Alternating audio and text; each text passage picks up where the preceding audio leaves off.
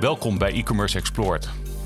De nieuwe podcast waarin we de diepte ingaan over nieuwe trends, innovaties en strategieën in de wereld van e-commerce.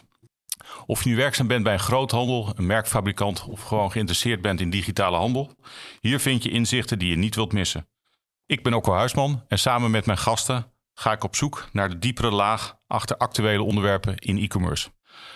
Vandaag heb ik twee uh, mooie experts, bijzondere gasten. Links van mij zit uh, Robin Riedijk, marketingmanager bij Vergelder Groente en Fruit. Stel jezelf even voor, uh, Robin. Ja, ik ben dus Robin. Mijn functie is marketingmanager bij Vergelder Groente en Fruit. En Van Gelder is een groothandel in AGF. Dus aardappelen, groente en fruit staat dat voor. En wij leveren eigenlijk voornamelijk aan de foodservice. Dus dat uh, zijn restaurants, dat zijn restaurantsketens, maar ook de zorg, festivals. Uh, alles wat een beetje professioneel met food bezig is, daar kunnen wij aan leveren. En uh, ja, wij zorgen dat de keuken met mooie, gezonde producten aan de slag kan. En doe je dat in de Nederlandse markt of ook nog daarbuiten? Nee, we zijn eigenlijk voornamelijk in Nederland actief. We doen een heel klein stukje België, maar in Nederland, gewoon, we leveren heel Nederland. Dat is onze focus. Okay. Nou, een mooi wapenfeit is dat jullie in 2019 de B2B e-commerce award gewonnen hebben. Klopt helemaal, daar zijn we heel trots op. Ja, dat, en, ik, en, ik, zag vorig jaar de, beste ondernemer in de regio Rotterdam. Ja, die hebben we ook nog gewonnen. Dus de laatste tijd de awards, dat zit wel goed. Goed, leuk. Nou, welkom. Uh, rechts van mij zit uh, Maarten Snijder, uh, e-commerce project... Product owner. Product owner bij Feustelpien Track Solutions. Voor, um, voor jullie misschien beter bekend als Railpro. Maarten, stel jezelf even voor. Klopt. ik ben Maarten Snijder. Ik ben 31 jaar. En ik ben nu vijf jaar bij Feustelpine Track Solutions als de product owner van e-commerce. Uh, Track Solutions is een van de grootste, misschien wel de grootste uh, spoorwegleverancier van Nederland. Wij leveren aan de aannemers die al het onderhoud doen in het spoor. Uh, en wij zijn eigenlijk een totale leverancier die zich heel erg focust op diensten. Uh, maar ook het onmiddellijk leveren van producten in geval van grote vernieuwingen van het spoor, maar ook storingen en onmiddellijke problemen die in het spoor ontstaan. Bijzonder om deze twee diverse bedrijven aan tafel te hebben. Beide zijn jullie actief in de B2B-wereld, zakelijke klanten. Uh, maar goed, als ik dan kijk naar, naar uh, onderdelen voor het spoor, ja, die kan ik niet overal zo bestellen. Is er dan sprake van een monopolie, uh, Maarten? Of kun je dat zo niet noemen? Ik denk als je het hebt over een, een supermarktconcept, waar je alles van het Nederlandse spoor kan vinden, ik moet zeggen bijna alles, een heleboel spullen, en je hebt ze onmiddellijk nodig, dan kun je bij ons terecht. We hebben een terrein van twee kilometer lang, eigenlijk het hele gebied tussen Hilversum en Bussum, is, is ons bedrijf. Uh, en daar hebben we alle spullen in opslag liggen, dus dan kunnen we heel snel leveren. Maar als je uh, een lange termijn planning hebt en heel veel spoorprojecten gaan tussen de 1 en 3 jaar, dan kun je heel gemakkelijk uh, bij andere partijen kun je ook internationaal kopen. En natuurlijk binnen overheidssectoren heb je altijd verplichting om binnen de Europese markt te kijken naar andere leveranciers. Dus is de monopolie? Nee, zou ik niet durven zeggen. Maar als je nu een spoorstaaf nodig hebt, is er niet heel veel andere plekken waar je heen kan. Nee, precies. En als je kijkt naar het aantal klanten wat jullie bedienen, want ik bedoel, je hebt de, de NS in Nederland, maar zo, zijn er, zo zullen er niet heel veel uh, afnemers zijn uh, van, van spoorstaven. Ja, het is grappig. Misschien, ik weet niet hoeveel tijd we eraan kunnen besteden, maar het is best complex. Want de NS is alleen maar de, uh, het bedrijf die passagiers vervoert. Dus gewoon mensen uh, die in de trein zitten. En ook het bedrijf waar dus de meeste mensen uh, bekend mee zijn. ProRail ook wel redelijk bekend, is de netbeheerder. Dus die zorgt ervoor dat het spoor in goede orde is. En ProRail stelt onderhoudsaannemers aan. En dat zijn onze klanten. Dus ProRail zegt, we hebben een, een stuk nieuw spoor nodig. Uh, vanwege een project bijvoorbeeld dat ze uh, frequente treinen willen laten rijden. Dus dan moeten aanpassingen gedaan worden. Daar stelt ProRail dan een aannemer voor aan. En die koopt spullen bij ons om dat te realiseren. Maar prijsafspraken maak je niet met ProRail, maar met uh, de, de, individuele aannemers. Zeker, ja. We hebben gewoon contracten met de individuele aannemers. Het zijn er vijf of zes echt grote die uh, actief in het spoor zijn. En nog een heleboel kleine subondernemingen die, uh, die ook wel werk erin doen. Maar de grote projecten worden door een handjevol bedrijven gedaan. Ja, Oké, okay, interessant. Nou, ga ik even naar Van Gelder Groente en Fruit. Want ik denk dat daar de dynamiek weer heel anders is. kun je er iets meer over vertellen? Over Zeker. type klanten, aantal klanten? Nou, wij leveren ongeveer 6000 klanten per dag. Dus dat is uh, ietsjes meer bij ons klantenbestand. Uh, en daar komen we ook met eigen transport. Dus als een klant bij ons bestelt, dan wordt het ons uh, magazijn, dat hebben we helemaal gemechaniseerd, wordt dat klaargemaakt. En vervolgens stopt ook onze eigen chauffeur voor de deur. En die stopt, ja, die, die is letterlijk contactpersoon. Die stapt die keuken binnen en die zet het heel vaak nog in de koelcel. Soms zelfs als de klant er nog zelf niet is. Dus dan, hè, als die dan aankomt, dan staan de producten al in de keuken klaar om mee aan de slag te gaan. Eh, ja, dus zo pakken wij dat aan. Dus dat het is iets meer klanten en eh, wat meer dynamiek. Eh, Kun je aangeven hoeveel procent van al je totale orders eh, door een online platform heen gaat? 95,4 procent. Dat komt allemaal eh, online binnen, ja. En ik denk dat dat bij Railpro ook zo is. Nee, nee, nee, niet eens in de buurt. Nee, nee het is eh, bij ons volgens mij, eh, als je het hebt over het hele digitale portfolio, is het nu wel 40% van allerlei verschillende manieren. Maar via puur onze webshop, echt, en dan helemaal van begin tot eind, van aanschaf tot uitlevering, zou ik zeggen iets minder dan 5%. Dus voor jou nog heel veel kansen en heel veel ruimte om eh, te groeien in, het, eh, in de digitale transformatie, eh, Maarten. Ja, absoluut. Ja, ja, wij hebben gemerkt, als ik gelijk op de inhoud Ja, kan induiken. we hebben heel erg gemerkt dat in de, in de bouwindustrie zeker, en dat zal waarschijnlijk wel aanzienlijk afwijken van, van de industrie zoals groente en fruit, is de projecten zijn lang, veel planning, eh, de bedragen zijn enorm. Weet je, va- vaak is een bestelling van meerdere honderdduizenden euro's is heel gewoon. Dat hadden wij niet, nee. Nee, en, en dat, zal er, eh, dat zorgt dus voor een veel lager volume van orders, maar weer veel hogere orderwaardes. Maar dat betekent ook weer dat als je iets wil bestellen, ja, dan, dan moet het een up the food chain. Er moeten meerdere mensen moeten ervoor tekenen. En je kan niet zomaar eventjes eh, online een hele lading eh, spullen bestellen. Ook omdat heel vaak transport een, een grote issue is. Weet je, Eh, een hoop van onze orders gaan over, gaan over vrachtwagens en redelijk normaal. Maar heel vaak heb je ook lengtetransport nodig. Speciale planningen die gedaan moeten worden. Want die, mag, die moeten vergunningen aanvragen om de weg op te mogen. En dan hebben we het niet eens gehad over het meest ingewikkelde. En dat is transport over het spoor. Want we kunnen producten leveren die 360 meter lang zijn. Maar dat moet wel over het spoor, want dan ga je niet over de weg eh, ga je dat vervoeren. Dus daardoor is e-commerce en business to business, ehm, zoals het nu bestaat, is nog een aantal stappen eh, moeten gezet worden om te komen waar, bij het eindstation, om dat volledig te digitaliseren. En, en als je dan kijkt naar de fases in de, in de klantreis, hè, dus de customer journey, eh, Maarten, hè, dan hebben we de bewustwording, overweging, aankoop, retentie, service en loyaliteit. Waar, waar zit jullie platform, waar zitten jullie activiteiten dan met name? Dus waar richt je op dit moment met name op? Ik zou zeggen bij loyaliteit eh, en bij retentie. Wat wij toen we de webshop oorspronkelijk hebben opgezet, was het echt een eh, was het echt wel nog een discussie over wat het nou precies ging worden. Eh, daar ben ik pas achteraf bijgekomen, want ik was niet betrokken bij de implementatie destijds. Maar eh er was echt een intern debat van is dit nou gewoon een informatiecatalogus? Zijn dit onze producten? Een digitale catalogus. Ja. Pre- precies, ja. En dat was al een grote stap. Ja. eh, want dat is nog steeds een van de grootste toegevoegde waarden die wij bieden in het Nederlandse spoor. En is er een fysieke catalogus? Die hebben jullie nog steeds? er was een fysiek catalogus, ja. Die is er nu inmiddels... eh, dus die eh, is uitgefaseerd. Zeker, ja. ja dat, dat zit heel veel werk in. Ja. Eh, en dat is nu wel helemaal eh geüpdate en digitaal. Eh, maar dat is dus een groot, een groot voordeel ervan. En een, an- een andere helft van het bedrijf zei... nee, we moeten echt proberen ook eh, online eh, hier, hiermee meer retail succes te gaan behalen. En dus wat we zien is waar het al een hele succesvolle catalogus is en blijft... met heel veel gebruikers. We we hebben duizenden gebruikers per dag... wat in het spoor redelijk ongelooflijk is. Die je- jullie site bezoeken om informatie op te vragen over producten. foto's te bekijken, certificaten te downloaden. Alles wat echt essentieel is voor het dagelijkse operatie in het Nederlandse spoor. Dus daar is het heel succesvol in en daarmee zijn we ook een bekende huisnaam. Eh, leuke voorbeelden die we altijd zien is dat eh, als er documenten circuleren in de, in de spoormarkt, ook bij andere leveranciers, dan zien we vaak foto's met het watermerk van Railpro erin. Omdat zij, ja, dat, wij zijn nog steeds wel de echte informatiebron geworden dankzij ons toegankelijke online platform. Ja. En, maar in hoeverre, hè, bedoel, als je dan toch hebt over concurrentiepositie, in hoeverre eh, help je daarmee ook je concurrenten die misschien online niet zo goed voor elkaar hebben, maar eh, eh, het wel kunnen leveren? Dus eh, zie je daar. eh, Ja, dat- absoluut. Dat is, dat, is, eh, dat is een van de grootste risico's die wij, eh, die wij continu eh, er- erkennen. En een hoop eh, collega's zijn ook van mening dat de website toch wel heel toegankelijk is. En eh, misschien moeten we meer dingen achter login en strenger controleren wie er allemaal op zit. Dat is, ja. ik, eh, ik sta er persoonlijk wat progressiever in. Ik denk dat het al eh, voor een hele grote deel een winst is als wij de informatiebron zijn. Ja. En dat we daarmee de preferred supplier eigenlijk al zijn. Ja. En dat onze, onze klanten en onze concurrenten er af en toe eh, mee vandoor gaan, de krenten uit de pap halen. Ja, dat, dat is een gegeven, daar kom je niet omheen. Nee. We kunnen wel heel erg krampachtig dat gaan lopen beschermen, maar eh, in de toekomst denk ik dat het een dataspelletje is. En wij moeten daar gewoon aan de kop staan en vooruitstrevend zijn en zelfverzekerd zijn in de markt. Ja, heel mooi.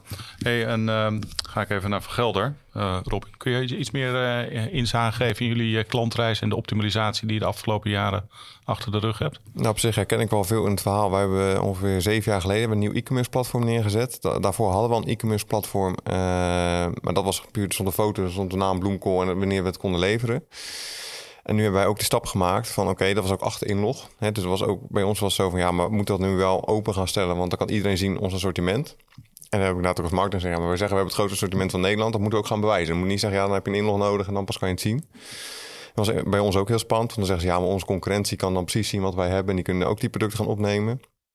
Dat is zo, maar ze komen er toch wel achter. Het is niet als wij dat product opnemen dat ze er nooit meer van te weten komen. Dus we hebben dat opengesteld en we zien ook dat dat heel veel heeft opgeleverd. Want je krijgt heel veel aanvragen van mensen die gewoon gaan zoeken en die, ja, die, die komen bij ons uit. En dat hebben wij ook ons als doelstelling gezegd. Hè. We hebben nu niet meer alleen die foto en die productnaam, maar we willen eigenlijk de encyclopedie worden online op groente- en fruitgebied. Dat als een klant wat zoekt, dat hij niet naar Google gaat, maar denk ik, oh nee, ik open van Gelden. En als ik dan iets, een exotische vrucht wil weten, dan zoek ik hem daarop en dan vind ik daar de informatie. Dus daar zijn wij heel erg hard naar aan het werk om dat steeds verder uit te breiden, steeds meer uh, toegevoegde waarde aan uh, voor die klant te bieden. En dat is in principe open. Bij ons hebben we wel nog steeds een na-inlog en dan pas zie je de prijzen. En dan pas zien we wanneer je het kan leveren. Want dat is allemaal klantspecifiek. Ja. Dat, uh, ja, dat is voor elke klant anders. dus dat, dat hebben we nog wel nog steeds. En daarna hebben we ook wat extra informatie die bieden we alleen na inlog aan. Dat is eigenlijk als service naar de klant. Hè. Als je toch ook die customer journey hebt om die klant te behouden. Bijvoorbeeld seizoensinformatie hebben we wel algemene informatie, maar echt wanneer per maand, wanneer wat beschikbaar is, wanneer is die op het product op zijn lekkers, wanneer is die beperkt leefbaar, wanneer is die niet leefbaar. Nou, dat is heel fijn als jij als kok een uh, chef uh, een nieuwe menukaart aan het samenstellen bent, is dat product ook heel die kaart beschikbaar of kom je na twee maanden achter, oh, dat product is er niet meer, dus dan kan ik dat gerecht niet meer verkopen. Nou, dat is natuurlijk heel vervelend. Nou, dat soort dingen dat tonen we alleen achter inlog, gewoon als extra service naar onze klanten toe. Ja, en wat wij, wat we ook eigenlijk wel, uh, wel merken, wat ik ook een hele leuke bijkomstigheid vind, is dat uh, omdat wij relaties hebben met die klanten, uh, we hebben er inderdaad wat minder dan, dan jullie, maar je zullen ook wel wat, wat gelaagdheid daarin hebben. Van sommige klanten hebben speciale prijzen en andere klanten hebben gewoon een algemene prijs en, ja. en prijslijstbeheer. Wat wij, wat wij zien is dat het ook een stukje uh, misleidend is naar, concurrenten toe. Want die melden zich aan met een algemeen account. Vaak zijn we dan gewoon open. Oh, we zien dat de concurrent zich aanmeldt. Prima, ga maar kijken. Ga maar kijken wat er allemaal in de winkel ligt. Uh, en dat ze dan hun prijzen gaan aanpassen op basis van wat ze daar zien. Maar dat wil helemaal niet zeggen dat onze echte klanten die wel komen om te bestellen, dat die dezelfde prijzen betalen. Dus in, die zin is het nog steeds dat je echt kan concentreren op met welke partij uh, nou op je site zit en informatie te bieden die heel relevant is voor die partij. En dat is een van de grootste verschillen die ik ook zie met business to consumer. Dus voor mij een van de belangrijkste speerpunten waar, waar, waar ik vaak over spreek, is dat, uh, dat business to business e-commerce een heel nieuwe, hele nieuwe tak van sport is. En de klantreis moet geoptimaliseerd worden naar de relatie die je hebt met je business to business relatie. Je, ik denk dat bijvoorbeeld nu de huidige wereld van business to consumer uh, e-commerce voor een groot deel gebaseerd is op wat er oorspronkelijk bedacht is voor, voor retail.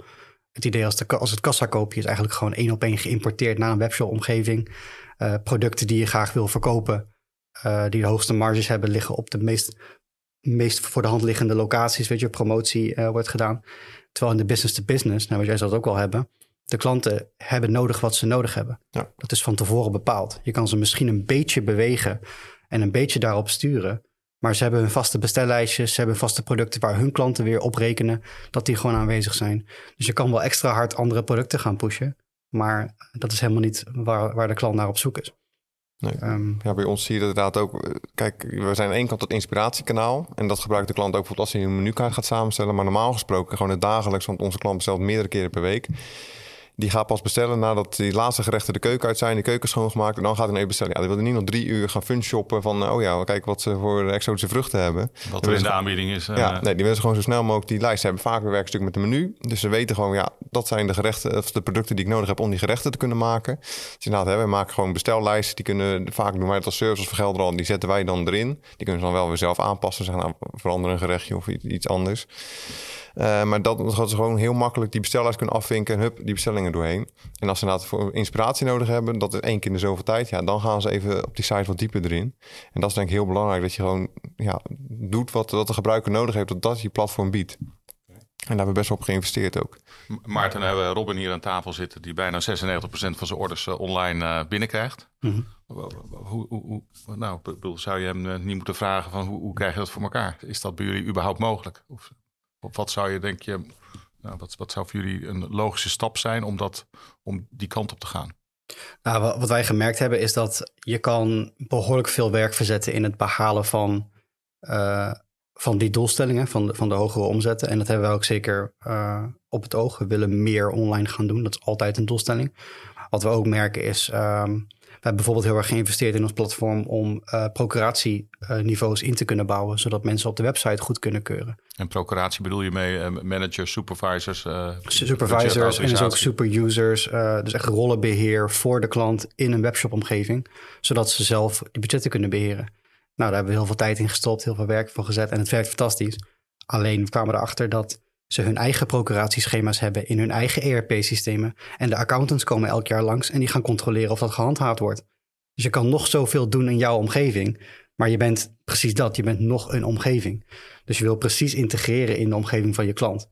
En daarom is bijvoorbeeld uh, nou, OCI is een, is een oplossing om te integreren in de omgevingen van je klant. Dat jouw webshop onderdeel wordt van hun eigen dagelijkse processen. Zeker als de klant heel groot is en, en duizenden gebruikers heeft. Dus dat, dat is essentieel. Uh, maar dat je ook kan, kan passen in bestelprocessen die zij al hebben lopen. Want daar mogen ze niet zomaar van afwijken. En dat is, uh, dat is voor mij een richting die ik, uh, die ik aan het onderzoeken ben, die ik aan het uitvoeren ben. En of daarna die bestelling nou binnenkomt via de webshop, of dat die binnenkomt via EDI, een wat traditioneler business-to-business kanaal van bestellingen die direct van systeem naar systeem gaan, maakt voor ons eigenlijk dan niet heel veel meer uit. We, we hebben de orde digitaal, dus we hebben bespaard in de zin van we hoeven niet meer handmatig pdf'jes over te tikken. Wat natuurlijk nog steeds heel gebruikelijk is in de business-to-business sector. Um, dus daar, daar is de winst ook. Dus de, de webshop kan een, een, bestelportaal zijn voor de ene, maar het kan een catalogus zijn voor de ander en een informatiesysteem voor een derde. Um, we hebben bijvoorbeeld ook te maken met heel veel partijen in de spoormarkt die, uh, die tekeningen maken. De ingenieursbureaus, die gebruiken het als informatieportal, maar die gaan nooit bestellen. Nee. Die hoeven geen prijzen te zien natuurlijk, maar die, die willen wel weten hoe dat product eruit ziet. En dat zijn dus hoe je alle markten bedient. Of ze nou daadwerkelijk daar bestellen of dat ze dat nou op een andere manier doen. Uh, je noemde OCI, en ik weet niet of, of alle luisteraars weten wat, uh, waar dat voor staat, maar het staat voor Open Catalog Interface, zover ik het weet.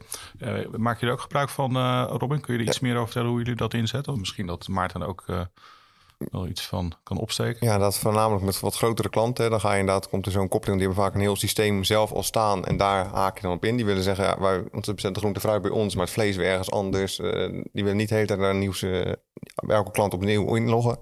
Die zitten een eigen platform en maken eigenlijk een uitstap in onze shop. Dan heb je echt de, de punch-out. Dus dan, hè, dan kom je echt in onze omgeving. Dan, het lijkt alsof je op onze eigen uh, website zit. Nou, dat vind ik als marketeer heel fijn, want dan kan ik aan die inspiratie, dan kan ik al die dingetjes nog meedoen. En inderdaad, die OCI, dan zien ze eigenlijk ons product in hun omgeving. En die bestellen die gaat vervolgens naar ons toe en gaat er wel door onze logica heen. Want uh, een van de redenen dat wij zoveel mensen op ons platform online hebben gekregen, is dat wij nu precies weten aan de klant aan de voorhand al tonen wanneer wat wij kunnen leveren, bijvoorbeeld. En dan houdt hij rekening met productschema's, hè, want sommige producten liggen op voorraad als magazijn, andere moeten bestellen, dus er gaat wat langer leeftijd overheen. En als een klant bijvoorbeeld een woensdag niet geen levendag heeft, dan wordt de er ook gelijk rekening mee. Dus de klant ziet gelijk of naar zijn bestellijst is of dat hij hem op een lijstpagina opzoekt. Hij ziet gelijk van oké, dat product kunnen we dan leveren. En als een bestelmoment verstrijkt, dan houdt hij ook weer rekening mee de shop. Dus in de winkelwagen wordt die orde ook gelijk uitgesplitst met nog een melding erbij van oké, let op, dit leveren we uh, morgen. Maar dag daarna komen pas voor die fruitsladers. Dus die klant krijgt heel veel informatie op voorhand al. En vroeger ja, belde die of stuurde die een fax. Hmm. Ja, en als je dan die fruitsladers een dag later krijgt... is het wel fijn dat je dat van tevoren al weet... want dan kan je daarop inspelen. En daar spelen wij nog meer op in door... Uh, we hebben alternatieven. Dus als, soms als een, toch een product manco is... bijvoorbeeld een rauwkost... zeggen hey, die hebben we niet meer... maar we hebben nog wel een rauwkost... die is eigenlijk dezelfde samenstelling... behalve er zit geen wortel in. Ja, geven we die mee aan de klant. Als de klant heeft opengesteld van... oké, stuur me alternatieven mee... Nou, hebben we daar ook weer die stap gemaakt van... oké, dan gaan we vooraf al communiceren aan de klant zodat hij weet van oké, let op, dit product kunnen we niet morgen leveren. Zoals de rest van je bestelling. Maar als je nou deze alternatieven bestelt, kunnen we dat wel. Dus dat is een hele mooie functionaliteit waar we al vooraf gewoon informatievoorziening aan die klant zoveel mogelijk proberen duidelijk te maken. Dat hij daar echt op kan inspelen en weet wat hij in zijn keuken krijgt. Ja, dat scheelt dus ook enorm veel, veel werk. Als je dat vergelijkt met hoe het, hoe het uh, vroeger ging. In, in een tijd waar gewoon vanaf het ERP-systeem de order kwam. Ze hadden misschien de producten, ze hadden die, de prijzen misschien wel erin staan. Maar uh, dan nog krijg je leverschema's, informatie die ze gewoon niet hebben op dat moment. En ze plaatsen dan de bestelling. Dan komt de bestelling binnen via een e-mail. Moet er een mens naar kijken, die moet dat controleren. hey, die leverdatum klopt niet. Gaan we ze bellen? hey, uh, we zien dat je iets onmogelijks gedaan hebt. Kan het ook dan? Nou, er zit heel veel werk aan. Terwijl als je die informatie verschaft aan de voorkant... ja, dan, dan ben je enorm veel, veel werk aan, ben je aan het besparen. En de klant is geholpen, want die weet meteen wat hij kan verwachten. Ja, het scheelt een hoop frustratie. Normaal moet die klant gaan bellen. Oh ja, we willen het voor morgen, maar we hebben het morgen niet. Ja, ja. dat is voor die klant ook dan, want die heeft het nodig. Maar Maarten, zijn jullie al in staat om de klant op voorhand uh, aan te geven wanneer een bepaald product uh, al dan niet geleverd kan worden? Welke datum? Ja, absoluut. Ja, ja um, vanwege concurrentiegevoeligheid tonen we geen absolute aantallen. Okay. Uh, wat er beschikbaar is. Ook niet na login? Nee, ook niet na login. Nee, nee na login tonen we, voor login tonen we helemaal niks nee. aan, beschikbaarheid. Dus we willen nog steeds wel inderdaad de, de, de potentiële klant en de klant de drempel over krijgen om een account aan te maken, om echt die relatie te gaan bouwen met die klant. Um, maar ze zullen nooit zien wat de voorraad is totdat ze inloggen. En zelfs dan kunnen ze uh, alleen maar zien, is het op voorraad ja of nee. En dat is omdat heel veel producten in het spoor strategisch georiënteerd zijn. Ja. Er, zijn er zijn producten uh, die bijvoorbeeld in de Schiphol-tunnel liggen, die een, een lead time hebben van 9 of 10 maanden. Maar als er iets kapot gaat, is dat nu nodig. Ja. En, en onze klanten kunnen misschien best wel de voordelen ervan zien om uh, alvast even dat product in te kopen en op voorraad te leggen, zodat zij het op tijd hebben. Ja. En, uh, en waardoor iemand anders misschien misgrijpt die dat product wel nodig kan Ja. hebben op het moment Ja. dat het nodig is. Dus we zijn daar een beetje ketenregisseur in geworden. Uh, daar stemmen we ook veel met elkaar mee af, zodat iedereen ook weet hoe dat zit. Dus dat is uh, onderdeel ervan. Wat we wel tonen in absolute aantallen is, we hebben overal in Nederland hebben we satellietmagazijnen. Dat noemen we voorraad op locatie of vol. Um, nou, misschien voor de gemiddelde treinreiziger kun je begrijpen dat als er een storing is, dat dat niet kan wachten. Dat moet onmiddellijk opgelost worden. En daar worden uh, spooraannemers in Nederland ook op, op afgerekend. Ze moeten ervoor zorgen dat het spoor volledig beschikbaar is ten alle tijden, zodat treinpassagiers geen last hebben van, uh, van verstoringen. En om die reden hebben we overal in Nederland magazijnen geplaatst, waar de meest essentiële producten uh, op voorraad gehouden worden, waar onze klanten onmiddellijk naartoe kunnen gaan om spullen af te nemen. Dat doen ze met, met een scanner, dus echt gewoon een self-checkout systeem dat daar geïmplementeerd is. Helemaal digitaal in die zin. Maar de webshop kunnen ze gebruiken om te zien wat er precies op voorraad ligt op die locaties. Ah, op die manier. Dus dan hoeven ze niet te bestellen. Ze kunnen gewoon online kijken, dit product, oké, okay, dat ligt op dat, in dat magazijn ruim op voorraad. Dan rij ik daar naartoe, want daar kan ik het meteen halen en hoef ik niet te wachten. Een mooie omnichannel uh, benadering. Ja, ja, ja. zeker. Ja. Robin, hoe zit dat bij Van Gelder? Tonen jullie uh, voorraden, aantallen na login? Op dit moment nog niet. Daar zijn we wel druk mee bezig. Dat komt, we hebben nu ons magazijn gemechaniseerd een aantal jaar geleden. Dus nu weten we precies hoeveel producten er in het magazijn liggen of nog binnenkomen door, door middel van een inkooporder. Dus we willen dat nu wel actief gaan, gaan tonen. Ook omdat we die klant weer informatie willen voorzien. Ook op een gegeven moment zeggen, oké, we hebben nu nog vijf uh, zakken rauwkost liggen. Bestel hem vooral nu, want als je dat vanavond gaat doen, ja, misschien hebben we hem dan niet meer. En dat is voor ons weer heel fijn, want je ziet, die klant bestelt heel vaak uh, op het laatste moment. Hè, wat ik net vertelde, die uh, pas als de laatste gasten de deur uit zijn, gaan ze nog bestellen. Maar s ochtends willen ze wel weer die producten in de keuken hebben. Dus de tijd die wij hebben om die order klaar te maken is best wel krap en die wordt steeds krapper. Zo eerder wij die order hebben, hoe, ja, hoe fijn dat voor ons uh, interne proces is. Dus dat is weer zo'n onderdeel dat daar ook weer bij helpt. We reserveren het wel, dus de klant die als eerste bestelt, die heeft ook recht op dat product. In het oude magazijn was dat niet zo, want ja, de routes worden gepikt op welke route als eerste weg moet. Dus we pikken alles in Ridderkerk. De route in Groningen vertrekt als eerste. Dus ja, die had eigenlijk alle producten. Maar de klant in Rotterdam, die greep het vaakste mis. Terwijl hij misschien wel uh, op tijd had besteld. Ja, nu hebben we dat systeem, dus kunnen we gewoon reserveren van... oké, als jij dat bestelt, dan is die ook voor jou gereserveerd. En als iemand anders daarna komt, dan is die de persoon die misgrijpt... ook al vertrekt die route eerder. Schappig wel echt een revolutionair verschil uh, met, met hoe het vroeger ging...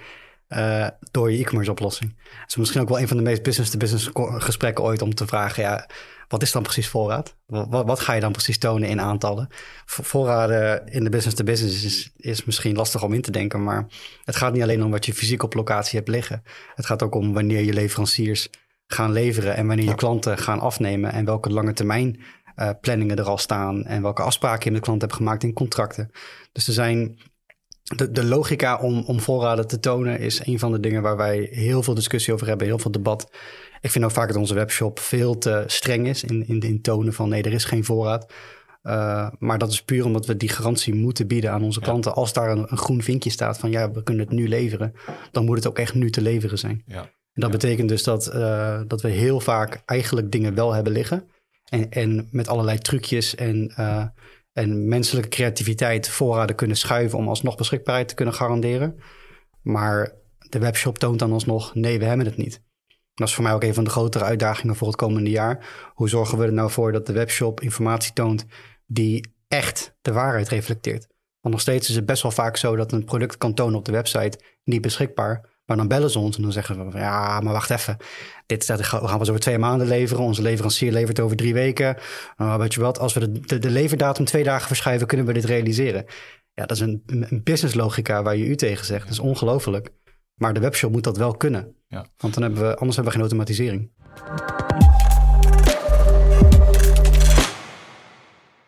We hebben een stelling. En de stelling is: uh, stel je hebt onbeperkt budget om je klantreis te optimaliseren in je eigen shop. Hoe zou je dat dan willen besteden? Poeh, lastig om te zeggen. Ik zou, ik zou een, uh, een bestelsysteem gaan ontwikkelen, uh, gekoppeld aan een, aan een al bestaande backend, waarmee je een volledige integratie kan behalen tussen je klanten en alle andere systemen die erbij komen kijken. Dus klanten hebben bijvoorbeeld een, een planningssysteem waar ze, waar ze materialen al van tevoren in hebben gepland. Ze hebben een ERP-systeem waar ze, waar ze dingen in bestellen en goedkeuringen in doen. En wij hebben ook weer vergelijkbare systemen met, met planningen. En uh, waar, we eigenlijk naar, waar ik eigenlijk naar op zoek ben al heel lang, is, is een soort holy grail, een, een API-call die je kan doen om al die informatie overal in te integreren. Zodat als je een bestelling plaatst via de telefoon, dat je onmiddellijk in je eigen ERP-systeem en in de webshop en in ons ERP-systeem en in een mobiele app die je misschien hebt gemaakt, dat je al die informatie real-time kan zien en wanneer het gaat geleverd gaat worden. En dat, dat zou voor mij, uh, ja, wat ik zei, dat is de holy grail. Dat is de uiteindelijke bestelling waar ik naartoe wil. En als ik heel veel budget zou hebben, dan zou ik daar gewoon aan gaan beginnen en ook uh, het heel aantrekkelijk maken voor klanten om, uh, om daarin te integreren door bijvoorbeeld te sponsoren dat zij hun ERP-omgevingen aanpassen om zoiets te kunnen toelaten. Ja ja, snap het. En want daar loop je tegenaan dat, dat elke klant weer zijn eigen ERP-systeem, zijn eigen type automatisering heeft, die weer moeilijk aansluit op OCI-protocollen of, of. Zeker, ja. ja. Je, je hebt last van allerlei, allerlei details die, die cruciaal zijn, maar die eigenlijk niet uit zouden mogen maken. Weet je, een heel goed voorbeeld is uh, dat wij producten wel eens leveren voordat het überhaupt een inkooporde bij de klant geworden is. Want ze bellen, we hebben het nu nodig, er staat iets in, in de brand. Uh, er is een aanrijding geweest of er, iets moet onmiddellijk gerepareerd worden. Wij sturen meteen de courier, die, die gaat meteen rijden. En ja, dan een week later komt die inkooporder wel. Ja. En, en dan gaan we het even administratief allemaal afhandelen met heel veel meer werken. Want de goede de mutaties zijn al geweest. En, en daar moet al heel veel in, uh, in, in, uh, in gedaan zijn. En moeten we allemaal gaan achter de feiten aan gaan rennen om het allemaal te corrigeren in al onze systemen. Wat nou als je gewoon een, een telefoontje kan plaatsen en zegt ik heb het nu nodig. Wij schieten de inkooporder als een soort aanbod naar je systeem toe. Ga je hiermee akkoord? We gaan akkoord. We sturen de factuur, we sturen de order, we regelen alles voor je. Ja, dat is, dat is de toekomst waar we naartoe gaan. Ja. Maar, maar zo simpel als uh, het opvragen van een inkoopordernummer bij het systeem van de klant... is al vaak iets wat een inkooporder systeem helemaal niet kan. Want je gaat inkooporders aanleggen vanaf een extern systeem. Uh, hoe dan? Ja. Nou, dat, dat zijn de ontwikkelingen die we nu stapje voor stapje aan het doen zijn. Maar daar kunnen we hele grote stappen in zetten, denk ik. Ja, leuk, mooi, interessant. Robin, onbeperkt budget, wat ga jij uh, doen het komende jaar? Nou, wij zijn zeker ook een beetje met een schuin oog aan het kijken van AI. Hoe kunnen wij dat nou gaan inzetten om, uh, om daar ook die klant nog meer te ontzien? Uh, bijvoorbeeld, hè, die moet alsnog zelf die bestellijst door. Misschien kunnen we wel een bestellijst al klaarzetten voor die klant op basis van zijn afnamegeschiedenis, maar ook op basis van weer, al dat soort dingen. Dat hij eigenlijk alleen nog moet bevestigen van ja, inderdaad, deze producten heb ik nodig. Behoeftes voorspellen. Ja, want ja, die, wat, die klant gewoon zo veel mogelijk ontzien. Uh, en daarmee blijf je ook weer voorop lopen. En ja, zeker je concurrentie blijven ze ook weer voor. Als je zoveel voordelen biedt, dan is die concurrent misschien iets goedkoper. Maar dan bieden wij zoveel extra voordelen dat dat eigenlijk niet uitmaakt. En dat is wel iets waar wij. Uh, een soort, uh, een soort bestellijstje 2.0. Dat, dat, je, dat, dat de klant inlogt en op basis van historisch gedrag uh, staat zijn bestelling eigenlijk al voor hem klaar. Ja, klik, klik op bestel je met klaar. Ja, alleen ja, voor ons bijvoorbeeld weer een strandtent. Ja, als het uh, de hele dag regent, ja, dan heeft hij niet zoveel nodig. Schijnt de zon, dan heeft hij juist extra veel nodig. Er zijn heel veel aspecten waar we dan rekening mee moeten gaan houden. Het heeft een klant een terras, ja of nee? Ja, dat, dat zijn allemaal dingen waar dat beïnvloedt. Dus dat is best wel een uitdaging. Maar daar zijn we zeker wel met een beetje een schuin oog aan het kijken van... oké, wat zouden we daar kunnen? En ja, dan zitten we zelf in die customer journey om te, in het begin van... oké, welke partijen moeten we daar dan voor benaderen? Wat kunnen we daarmee? Dus ja, dat is zeker... Uh... Lijkt me echt een heel leuk project. Zeker. Dat, dat, de klant zich registreert, dat hij dat soort vragen beantwoordt. Heb je een terras? Ja. En dat jullie dan altijd interpreteren als... oké, dus als het slecht weer is, gaan we jullie minder uh, leveren. Ja. Ja, dat is echt een superleuk project. Dat lijkt me echt, echt leuk. Maarten, je hebt er al een aantal dingen over gezegd. Hè? Robin heeft al een aantal dingen. Maar als je kijkt naar de, de inkopers in de spoorwegen, hoe gaan die over vijf jaar bestellen? En nou, hoe zie je daar jullie positie in?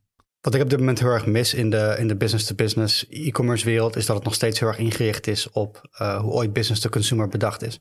En het, het, speelt niet echt in op wat, wat de relatie is tussen de, tussen de klant en de leverancier in de business-to-business wereld. Weet je, we hadden het eerder gehad over, over kassakoopjes. Uh, nou, stel je voor, je, hebt, je bent een deal aan het sluiten met je klant. Het gaat over 5 miljoen euro.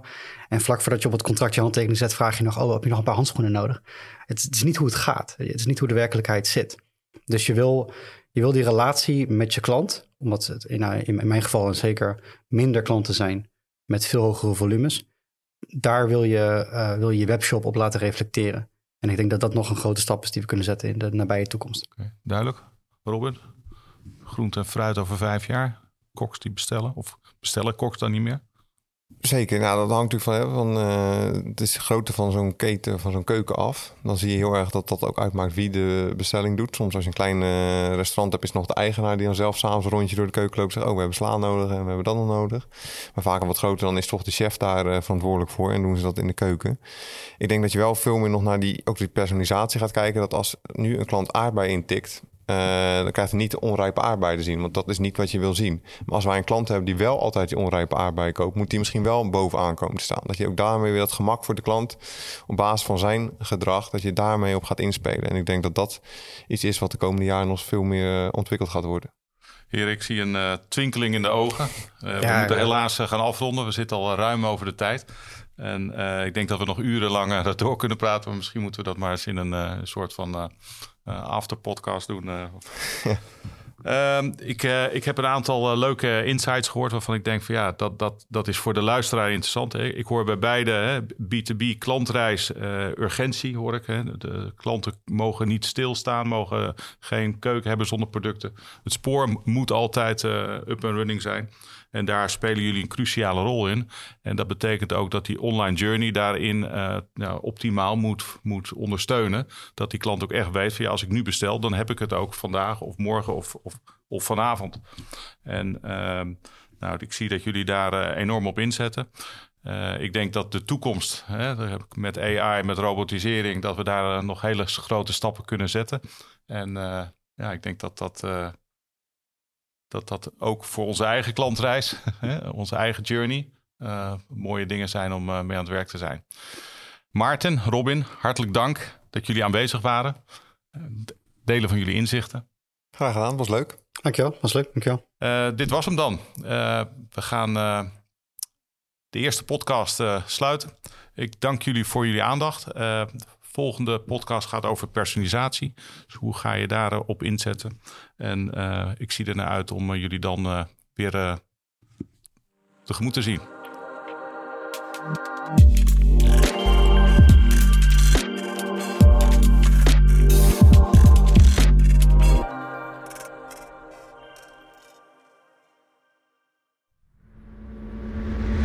Deze podcast is met trots geproduceerd door Content Leaders.